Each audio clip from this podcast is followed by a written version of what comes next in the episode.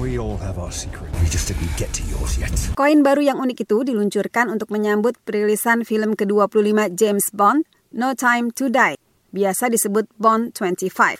Koin itu ditaksir bernilai 7.000 pound sterling, setara 9.000 dolar atau 8.000 euro. Berdiameter 185 mm, koin itu menjadi yang terbesar yang pernah dibuat Royal Mint.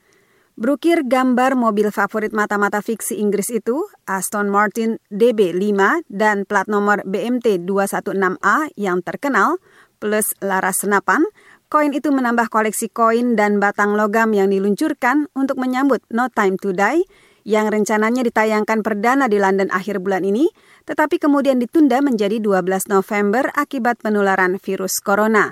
Koleksi itu mencakup koin emas dengan berat 2 kg, 1 kg, dan 5 ons dengan nilai nominal mulai dari 10 pound sterling hingga 2000 pound sterling serta sejumlah perak dan koin lain. Royal Mint tidak merilis daftar harga keping emas 7 kg itu, tetapi harga eceran yang direkomendasikan dari koin yang 2 kg adalah 129.990 pound sterling. Seri desain itu berfokus pada citra ikonik dari film-film Bond, ujar perancang Christian Davis dan Matt Dent dalam pernyataan. Menyeimbangkan detail rancangan dengan apa yang bisa dicapai dalam produksi adalah tantangan. Dan yang paling rumit adalah roda DB5, tambah mereka. Name? Bond. James Bond. So you're not dead. Dalam film terbaru petualangan mata-mata Inggris itu, yang akan diputar di Amerika mulai 25 November, dikisahkan Bond ditarik keluar dari masa pensiunnya di Jamaika oleh teman lamanya yang juga agen CIA, Felix Leiter.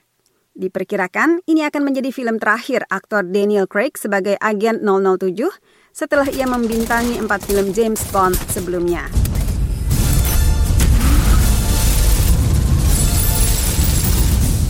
Karlina Amkas, VOA, Washington.